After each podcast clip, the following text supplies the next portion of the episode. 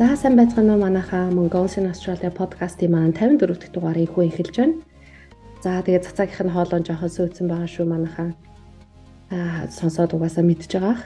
За тэгээд өнөөдрийн дугаараар машин, мотоцикл, төвөр ачаа, тавилга, сэлбэг хэрэгсэл, уул уурхайн, тоног төхөөрөмж бүх төрлийн хүнс болон ахуйн бүтээгдэхүүнийг Австралийн дөрвөн том хот болох Сидней, Мельбурн, Brisbane, Perth хотуудаас Монгол руу, Африк руу, Шинэ Зеланд руу тээвэрлэдэг 2019 онд байгуулагдсан Мэргэн International Transport Solution компани үүсгэн байгуулагч мөн Мэргэн Dealer гэх машин захиалга авч борлуулдаг охин компани үүсгээд удаагүй байгаа ийм нэгэн эрч хүчтэй ажилсаг Монгол залуу Дуваагийн баяр тогтхыг урьж оруулаад ярилцгаж байна.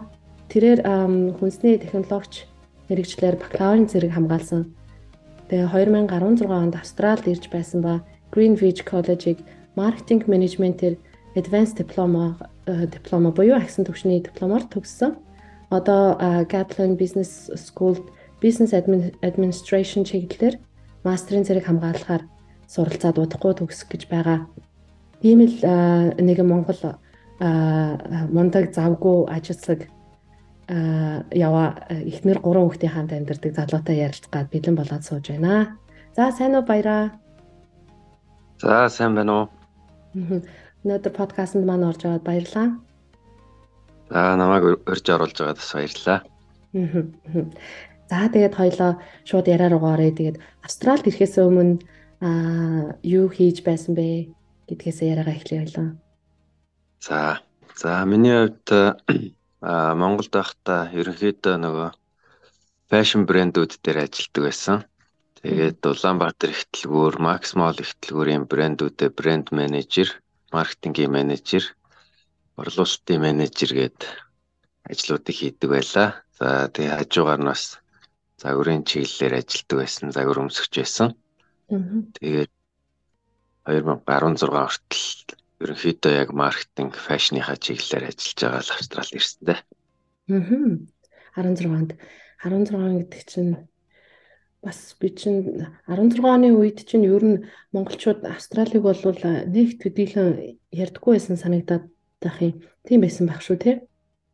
Тийм ер нь Австралийн талаар мэдээлэл аюу бага байсан. Миний хувьд ч одоо Америкийн визэнд 3 удаа ороод татгалзчихсан гэр бүлээрээ.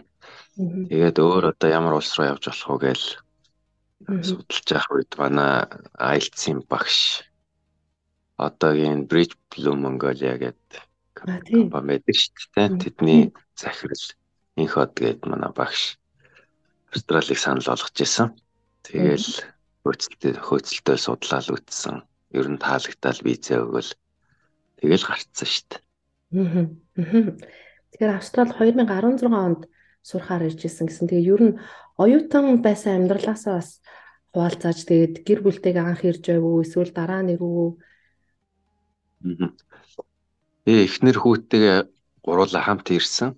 Тэгэл ерөөсөө шууд л оюутны амьдрал руу ороод бүх юм одоо нөгөө тгээс эхэлнэ гэдэг шиг тэгэл нэг цөөх хэдэн доллартай ирээл тэр нь ерөөсөө ажилд орохгүй бол дороо дуусчих гал сандаргаал тэгэл хичээлээ игээл Тэгээд нэг лондрид ажилд ороод лондрид нэг 6 сар орчим ажиллаад тэгэл дараа нь Австраlia Post гээд delivery компанид delivery чиглэлээр ажиллаад тэгэл явцсан да. Ер нь тэгэл оюутан байхад байхад ч гэж одоо ч оюутан байна л да. Тэгээд коллеж сурч явах бол арай амар байж л гэж бодож байгаа. Аа тийм. Хичээл хажуугаар ажиллахад одоо нэг магистр сурж байгаа үед бол хичээлийн хажуугаар ажиллаа хийж зохицуулна гэдэг бол нилээ.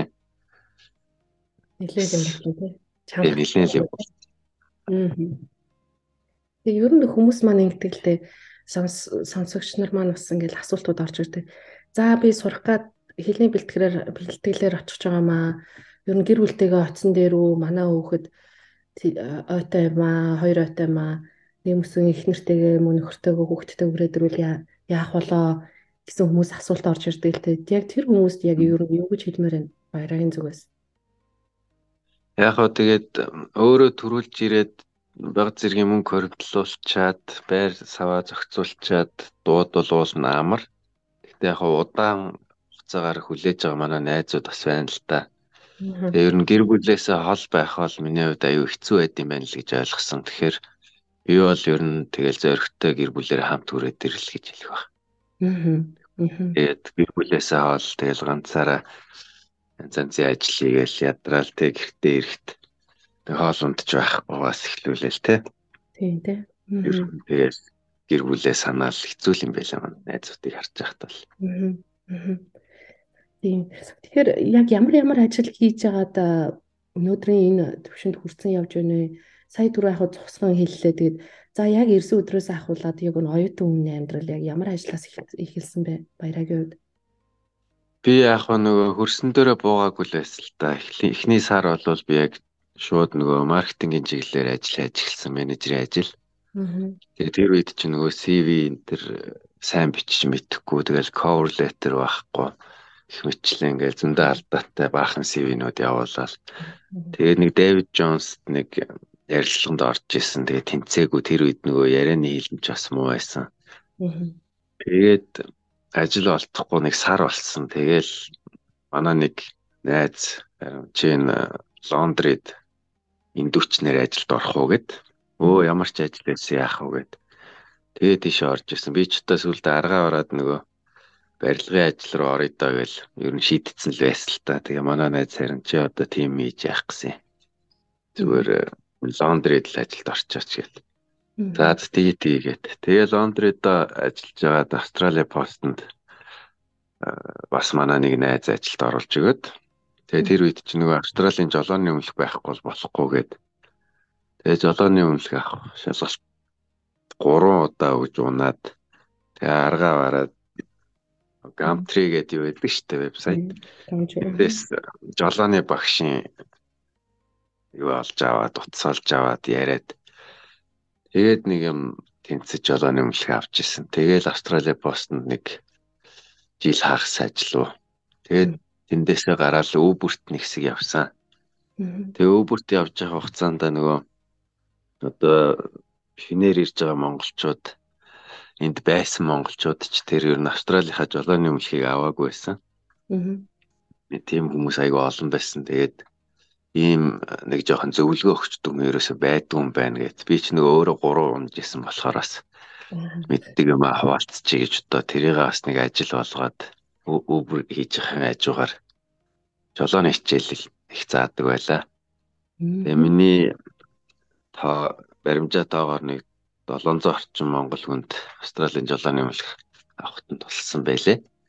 Тэгээ чи нөгөө дөрмийн шалгалт тэгээд нөгөө хотын жолоо гэд дадлагтай хичээл ортог байсан байхгүй.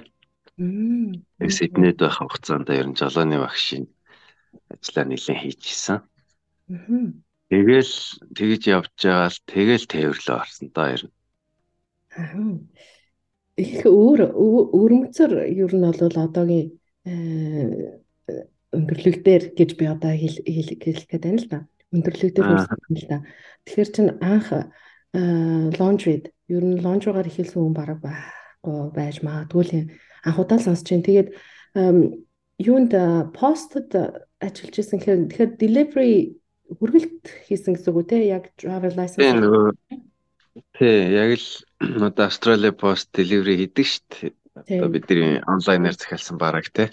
Тэгээд тэднийг хүргэж өгөөл манайх болохоор North Sydney-д байдаг гэсэн. North Sydney-гийн салбар дээр ажилтдаг. Тэгэл North Sydney-гийн тэрүүгээр delivery хийдэг. Баяраа маань одоо Сиднейгээс холбогдож байгаа л би ч одоо тэрийг асуу гэж Мельбурнд байгаа. Мельбурнд байгаа тий. Аа за. Мельбурнд өнгөрсөн жил ирсэн. Өнгөрсөн жил ирсэн. Аха. Ямар шүү байна? Ер нь Сиднейтэй харьцуулбал Мельбурн маань ямар байна? Өө ер нь давгүй давгүй. Тэгэл түрээс нь арай бага байна. Сиднейг бодвол арай тайван байна. Өө хэлвэл нэг арай жоохон сэрүүхэн л юм. Гэхдээ тэгэл монголчууд чаач тасчт юм болохоор тэгээд ер нь бол таалагдал байгаа шүү дээ. Ер нь Мельбурн арай амар юм байна л гэж бодсон шүү дээ. Ер нь. Тий. Би ер нь яг хуу зүгээр нэг тийм яриа сонсон. Яг хуу анх ирж байгаа хүмүүс маань Сиднейгэр ирээд За Австралийн амьдралтай танилцаа, соёлтой танилцаа. За нэг иймэрхүү байд юм байна гэд очроо болоод, дашгүй болоод ирэхээр ерөнхийдөө бусад жижиг хотууд руугаа нүүдийн болов Мельбурн, Бrisbane гэдэг ингээ Perth эдэр гээд юу тийм болов гэсэн хүмүүсийн ярианаас ингээ ботоод магадгүй л юм гэж бас хараад байгаа штэ. Миний болохоор яг нөгөө тээврийн бизнесийнхаа чиглэлээр нь хот хэсэд явцдаг ажилт үйлчлэгээ үзүүлээд. Тэгээд ч одоо 3 жил 4 жил шахаа одоо Австралийн дөрвөн хотоор тэнцсэн ба штт. Тэгээ үндсэндээ дүгнээд ингээд бодоход бол Мельбурн арай илүү таалагдаад байхгүй. Яа за. Тэгэл ер нь Мельбурнд амьдарч үзье гэж шийдчихсэн да. Аа. Сонсож байна манайха манай Мельбурн гоё хот шүү. За тийм байна. За тэгээд ер нь яагаад энэ тээвэр тээвэрлэлийн салбар руу бас орох болсон бэ? Тэр нэг бас нэг анх бас нэг нэг тийм шалтгаан байгаа. Аа За анх болохоор манай нэг дүү байсан юм аа. Сиднейд хамт амьдардаг байсан. Тэр дүүхүү нэг машин худалдаж авцсан дуудлага худалдаанаас. Тэгээ ингээд энэ машиныг одоо Монгол явуулмаар байна хаа яаж явуулах вэ гэ надаас асуугаад би ч юу ч мэдэхгүй юм чинь. Тэгээд нэг найзаасаа асуусан чинь Монгол руу контейнер гаргадаг залуучууд байдаг холбогдоод тэгээд ачуулчих болно гэдгсэн хэвхэв. Тэгээд нэг 2 3 хүн лөө яриад үнэ асуусан чинь нэлээ үнэтэй сонсогдоод ийм үнэтэй байд юм бах та гэд. Тэгээ хоёулаа сууж байгаа судалгаа хийсэн багхгүй.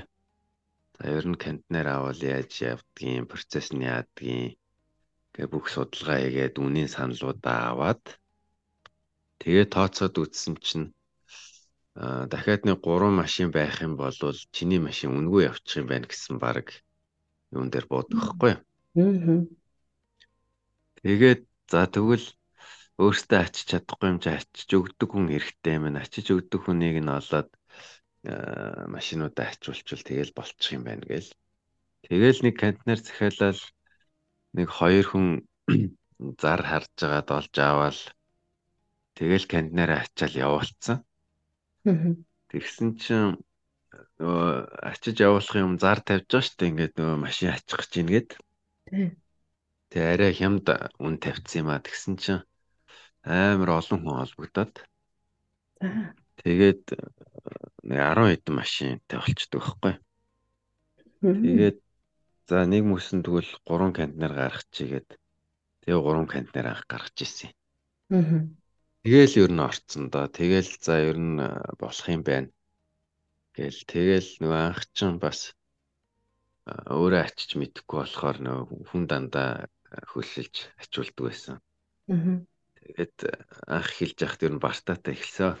Тэгээд тэр ачиж өгсөн хүний маань нөгөө ачлалт нь алдаатай байсан уу нөгөө машинууд маань бүгдээрээ бүгдээрээ жоох ихэнх нь гимтээд Тэгээд нөгөө хүмүүсийн чинь машины эвдрэл хэмхэрлийг засуулах зардал гарсаар байгаад бүр амар алдагдaltaй очдөг байхгүй.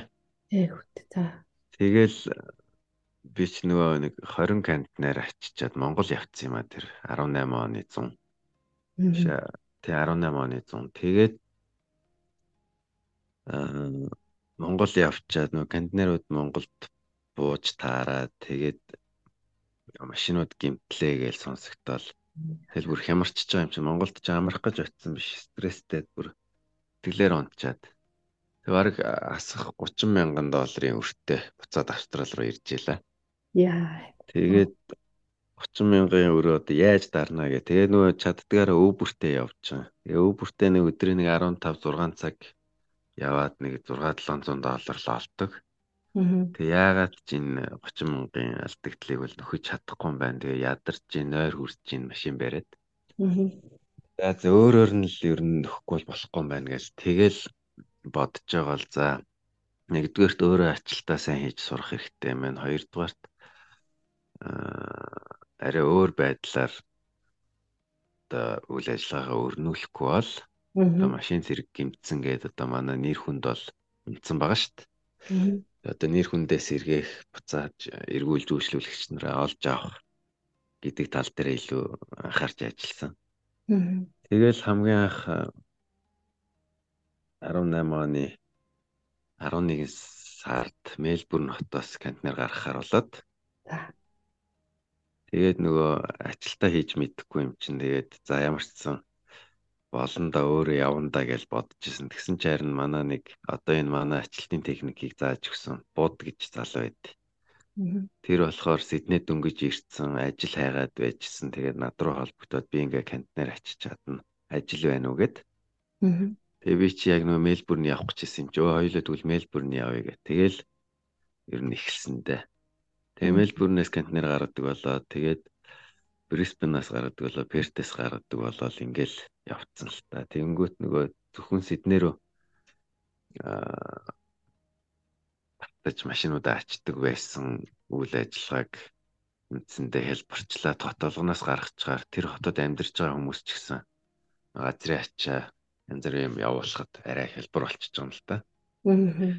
Тэр талаараа яг манай үйл ажиллагаа ерөөхдөө жигдрээд тэгэл явцсан да. Тийм л төвхтэй.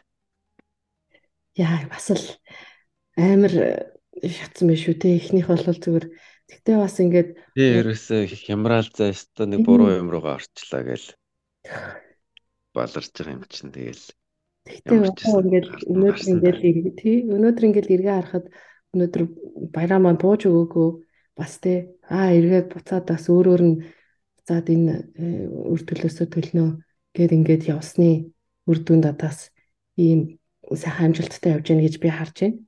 Тэгэхээр ер нь э, нэг машин Монгол руу тээвэрлэхэд ер нь хэд орчин байх вэ мэдээж бас хүмүүс маань сонирхож байгаа. Тэр хугацаанд очих уу? Өнөөдрийн байдлаар манай хүн одоо жижиг зэрэг нь 3500, дунд зэргийн дунд гарууд нь 3700, том пикап ч юм уу, Прадо ч юм уу том тэргүүд нь 4000 доллараар ачигдж байгаа.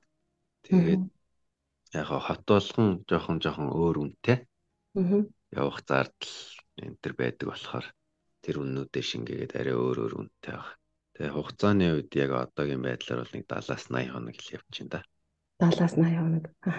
Тэгэхээр усан онгоцоор яг хаа хүрээд тэгээ яг яаж яг яаж тээвэрлэлт нь явагддаг юм бол Тэгээ одоо усан онгоц маань хятадын Шинган гэд мужид буудын. Тэгээ тэндээсээ газраар яваад Тянжин Тянжины өртөөн дээр очиод тэндээсээ вагон дээр тавигдаад аа тэгээ Улаанбаатар л явдаг. Аа. Тийм ээ. Тэгээд бага оврын ачаануудын ханшин бас хэд ах вэ? Бага оврын ачаа ерөөхдөө яг газрын ачаа гэж нэрлэж байгаа нь тэрийг стандарт бокстай явуулцдаг. Тэгээ яг стандарт бокс нь 70 доллараар явж байгаа. Аа стандарт. Тэгэхээр тэр нь мэдээж хэмжээ нь тэр боксонд орчин хэмжээ нь бол хамаагүй хүнд нь бол хамаагүй. Тий яг хөө тэгэл нөгөө нэг буудан ч юм уу нэг хөргөх жугаалгын машин тэр явуулах гэж байгаа хүмүүстэйгээ тэгэл харж байгаа л яриад тохирол явуулчихдаг шин. Аа. Ер нь монголчууд маань хаанаас илүү тээвэрлэл одоо хүргэлт илүү явж байна. Мэдээж Сиднейгээс уу? Монголчууд их гэдэг. Өө ер нь тэгэл жигдэхэндээ Сиднейгээс яг хаа манахаас өөр кантнер гаргадаг залуучууд байгаа учраас газрын ачааны хувьд бол Сидней баг. Аа бусад хотууд бол ер нь жигдэх ер нь адилхан байгаа да. Бизи. Кантнер гарах болгонд л хүмүүс ер нь юм явуулж байна. Тэгэхээр ер нь монголчууд ер нь үйлчлүүлэгч нар нь ер нь монголчуудаас өөр орны бас хүмүүс байх уу? Зөвхөн монголчууд маань бас үйлчлүүлж гинэ үү?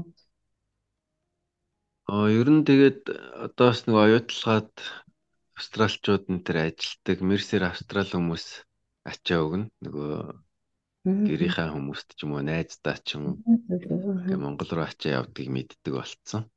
Тэгээд Мерсер австралчууд Монгол руу ачаа явуулна.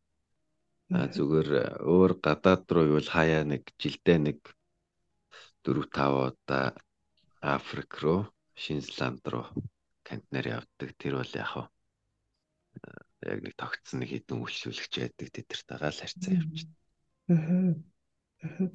Ер нь даа бас нэг би ч гэсэн одоо ингээл бодъё л доо. За ингээ хүмүүс нэг хэсэг гэхдээ нэг хэсэг л тэгжсэн санагдаад ахын нэг хэдэн жилийн өмнө эндээс их монголчууд машин ачаад тэгээ тэнд авч одоо тэ зарж тэгэж ингэж мөнгө хийдэг бизнес хийдэг гэж. Тэгэхээр одоо эндээс юу яг ямар төрлийн машиныг Монгол руу оруулвал илүү бас тийм монголчууд маань өө Австралиас ирсэн тэрэг одоо ховор байдаг тэрэг ч юм уу тийм тэрэг гэвэл одоо яг ямар маркийн машин байвал яг зүгээр байна вэ гэхэд за би ингээ нэг ер нь одоо монголчуудын авч ачуулж байгаа машинууд бол одоо Австралийн salvage буюу одоо гимтэлтэй машины auction байдаг дуудлагууд л та. Аа нэг хэсэг анх болвол замбраагүй хямдхан гээл айгүй хэвдрэл хэмхрэлтэй машин явдаг байсан.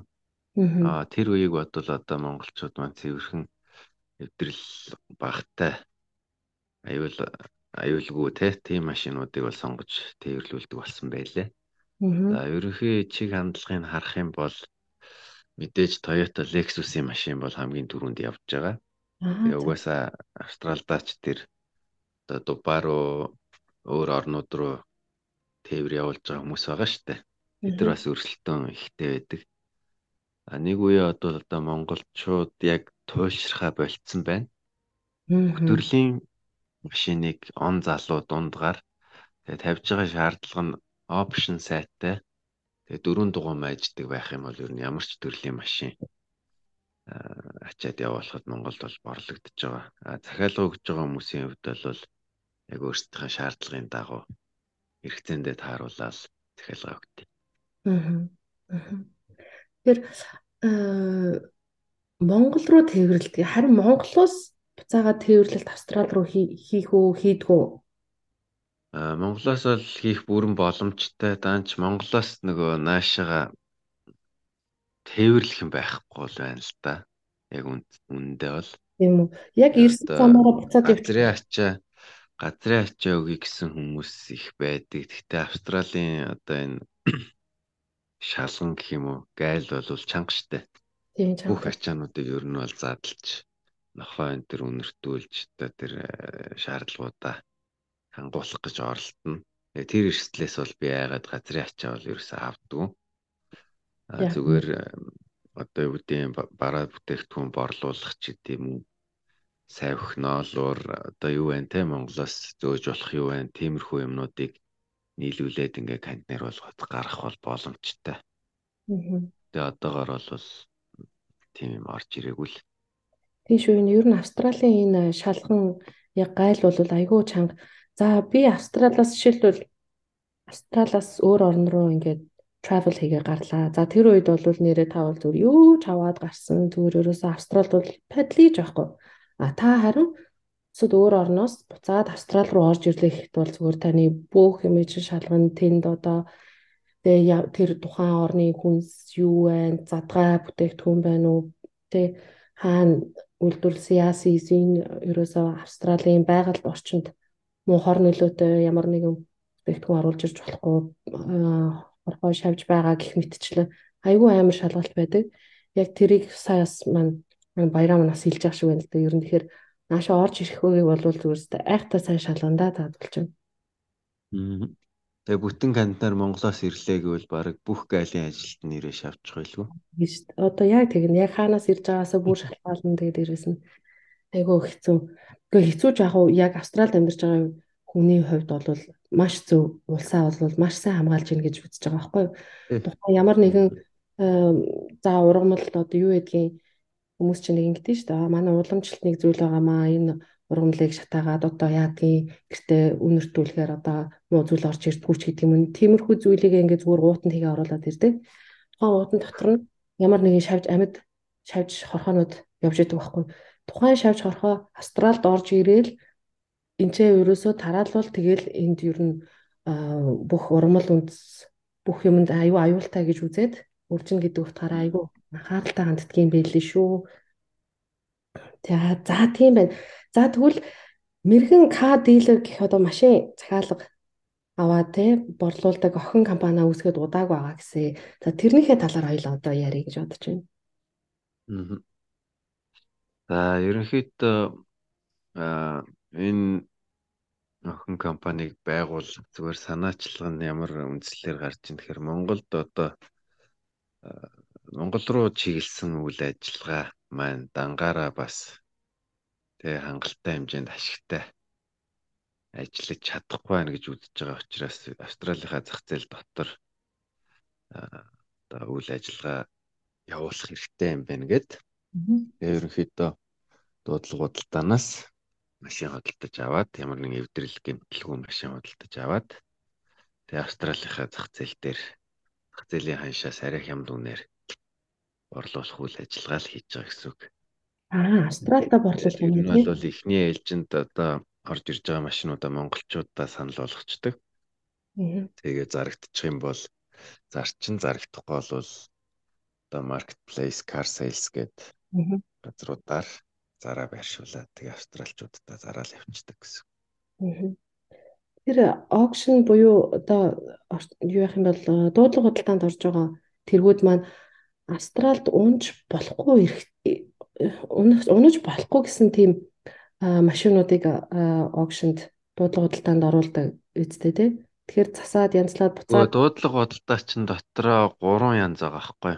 Нэг нь болохоор яг одоо Австралид унж болохгүй явах боломжгүй start write off болгоцсон машинууд. А хоёр дахь нь болохоор эвдрэлтэй буюу засаад унж болох нэг машин repairable гэж байгаа нь тэрийг. Repairable. Гурав дахь нь болохоор ямар ч эвдрэл гэмтэлгүй тийм машинуудыг бас дуудлага худалдаагаар зардаг. I see. Мм. Тийм ээ тэгвэл Австралда борлуулдаг борлуулалтын газар юм биш үү? Тэгвэл ер нь За түрүүн пикап гэдэл тэглэж штэ энтхийнхэн ют гэд нэрлэж байгаа. Тэгээд Америкчууд чинь юу гэх юм баг truck гэж нэрлэдэг уу? Яаж юм? Тэр ачаатай тэр машин маань ер нь Монгол шууд их сонирхож байна уу? Монгол байгаа монголчууд маань гэсэн үг шүү. А Монголоос бол яг нөгөө хөдөө гадаа уул уурхаад ч юм уу ажилтдаг хүмүүс тийм машин их сонгож захиалтай.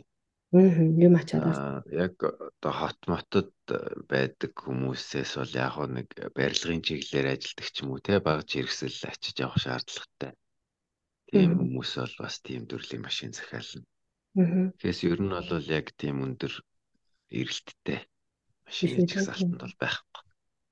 Ер яагаад ингэж асууж юм хэр нөгөө Австралид одоо эрэгтэй хүмүүсийн сонирхдаг машин ерөнхийдөө би бол ют буюу тэр пикапыг гэж хараад байгаа байхгүй юу. А яг хөө мэдээж ажил төрөлдөө таруулж байгаа хэл та. Гэхдээ ерөнхийдөө бол тийм том нүсэр тэгээд ардаа ачаатай одоо яадгийн те дугуун нэг том өндөр тэргүүд илүү харагдаад байдаг байхгүй. Тэгээ би ямар сайндаа манай Монгол байгаа хүмүүс маань бас тийм юм сонирхдаг юм болов гэж асууж байгаа нь тэр. Зөв зөв. Яг Мерсер нэг Монгол залуучууд бас байна. Яг нөгөө машиныг тоноглож ундаг. Гоё өргөн дугуй тавиал. Тэгэл том амаржийн гүпэр хэл ачаа тий. Хөтөлбөрийн байдлаар машиныг гоё тоноглож ундаг хоббитэй залуучууд байна байна л да. Тэд нар бол энэ чэнэс яг тийм тоногуудаа захиалаад машинаа захиад машинтайгаа хамт тоног моногоо бүгдийг ачуулаад явуулцдаг очиод угсраад бэлэн болгоод унцдаг тийм хүмүүс бол байна. Тэгээ миний бас Австралид харж одоо Австралч өөрөө олон үндэстний газар. Тэгээд яг юу гэдгийг Озинер гэж ярих юм бол Озинер бол яг тийм амир трак юу гэмт унддаг шүү дээ. Ховорхон. Яг нэг барилгын чиглэлээр ажилладаг энэ төр хүмүүс бол нэг хоёр хүний суудалтай урт том ачаатай нэг тийм жижигвтер ан хуучин тийм юу тунаад байгаа байхгүй. А тэгэнгүүт миний ажилтнаар нь Либанууд, араб арабын орнуудын хүмүүс ялангуяа иймэрхүү юут төрлийн машиныг тоноглож ундаг байна л гэж харсан. Тийм. Тэр нөгөө хоёр хоёр судал хоёр хаалгатай нөгөө нэг ардаа ачаатай тийм юутууд тэр чинь бас яг нэг 5 6 жилийн өмнө нэлээд мод байсан. Нэг 10 жилийн өмнө юм нэлээд мод байсан. Одоо ч гэсэн ерөнхийдөө сонирхоод унж байна уу те? Тий, одоо ч гэсэн ер нь шүү дээ. Яг хоо тэгээд бүр он залуунуудын нэг э, унах нь арай цөөрцсөн юм. Ер нь тэгээд Озын ч өөрөө нэг машин тэрэг юмд амар тийм ач холбогдол өгдөг хүмүүс биш юм байлээ шүү дээ. Тэгээл нэг хуучин явж л байвал баг болоо гэдэг шиг.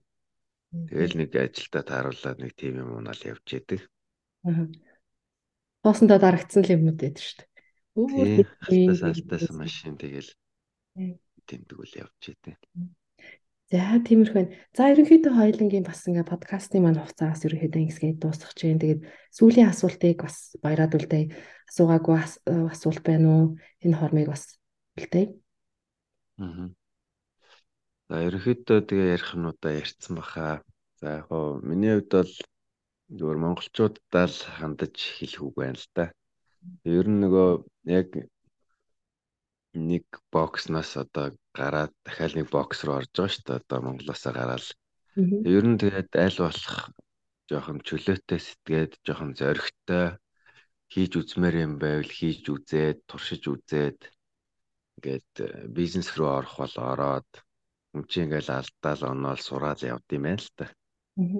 Тэгэхээр өөрийгөө хөгжүүлэх боломжоо ерөөсөө алдахгүй аль болох хөгжүүлээд хамтарч ажиллах хүн байвал хамтарч ажиллаад юм сураад ер нь тэгээ Австральд ямар ч төрлийн бизнес хийсэн энэ их олон хүн амтай газар бол ерөөсөө шатн дампуурна гэсэн ойлголт одоо бараг л байхгүй. Сая ковидыг стооцвол те. Ковид үеэр бүхэл бизнес нэлээд уналтанд орсон. Одоо бол ингээ бүх юм чигдэрсэн учраас ер нь аль болох өөрөө юм хийхийг л зорих хэрэгтэй. Хүний доор ажиллаад ч гэдэм юм ингээд нэг цалингаас цалингаа хооронд байхаас гадна хажуугаар нь ингээд нэг жижиг бизнес эхлүүлээд ингээд тэр нь ингээд амжилтанд хүрчүүл бас хинч мэдэхгүй шүү дээ. Тэгэхээр ер нь бол хүмүүст жоохон зоригтой судалгаа хийж жаад ингээд бизнес хийгээрэй л гэж хэлмээр санагдаад байт. Аа.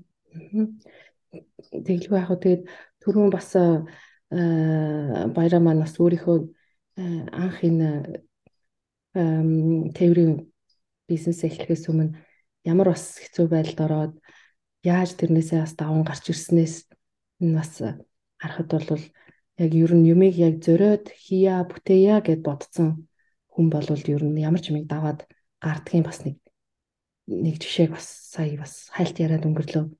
Тэгээд ирээдүйд бас тэ олон олон бизнес. Нөгөө ковидын дараа бас яг ковидын үеэр дажгүй явж исэн байхгүй. Тэгээ ковидын дараа дахиад э, нөгөө импактэнд орж байгаа юм л да. Нөлөөлөл нь нөгөө ковид дуусны дараа гарсан гэх юм уу? Тэгээд нөгөө контейнерууд маань гацаад нэлээд их торгуул хүлээгээд би ч өөрөө бас нэг хідэн машин э, очиод зарна гэж төлөвлөсөн байсан машинууд маань бүгд гацсан. Тэгээ тээврийн төлбөр дээрээ удаашрал үүсгээд ингээд нэлээд бас хил хамд орсон л доо. Тэгээд ингээд ер нь бол яг ямар ч бизнес ямар ч ажил хийсэн ер нь тэгэл саад бэрхшээл угаасаа гарна.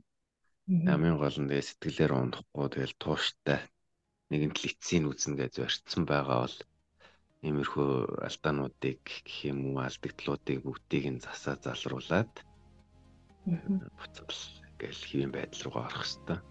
Дөрөө босох хэрэгтэй тийм. Аа. За тийм байх. Тэгээд маш их баярлаа. Тэгээд ирээдүйд олон монголчуудынхаа тэг хэрэгтэй зүйлсийг хүссэн газарт нь богино хугацаанд хүргээд олон тээвэрлэлтийг бас хүрэх цагт нь хүргэж байх болтугай. Мөн хүний хэрэгцээ болсон унаа тэргээр те бас олон хүмүүсийг энэ дөрөв дугуйт гэсэн бас сайхан хөлгүүдтэй болгож байгаа ажилтнуудаас өндрөөс өндөр амжилтыг хүсье. Тэгээ мөн бас гэр бүлд нь эрүүл их аз жаргалыг хүсье. Аа, за маш их баярлалаа. Тэгээ нэвтрүүлэгтээ урьж оруулсанд. Тэгээд өөрт чинь бас маш их баярлалаа. Тэгээ монголчуудаа бүгдээрэнд нь амжилт хүсье. Тэгээд өдрөө сайхан өнгөрүүлээрэй. За баярлалаа. Тэгээд өнөөдрийн подкаст маань ингээд өндөрлж байна. Тэгээд Мельбурн хотоос баяраа цацаа хоёр ярилцлаа. Дараагийн дугаараар эргээд уулзтлаа баяртай. Одоо цацаа нь ханиатай гайг болох гээд доошоо бууж халуу юм уу наа. За баяртай манайхаа. Баяр.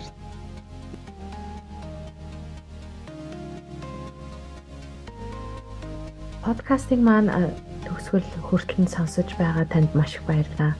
Манай подкастууд YouTube, Facebook, Apple Podcast, Spotify дээр цацагдаж явагддаг байгаа.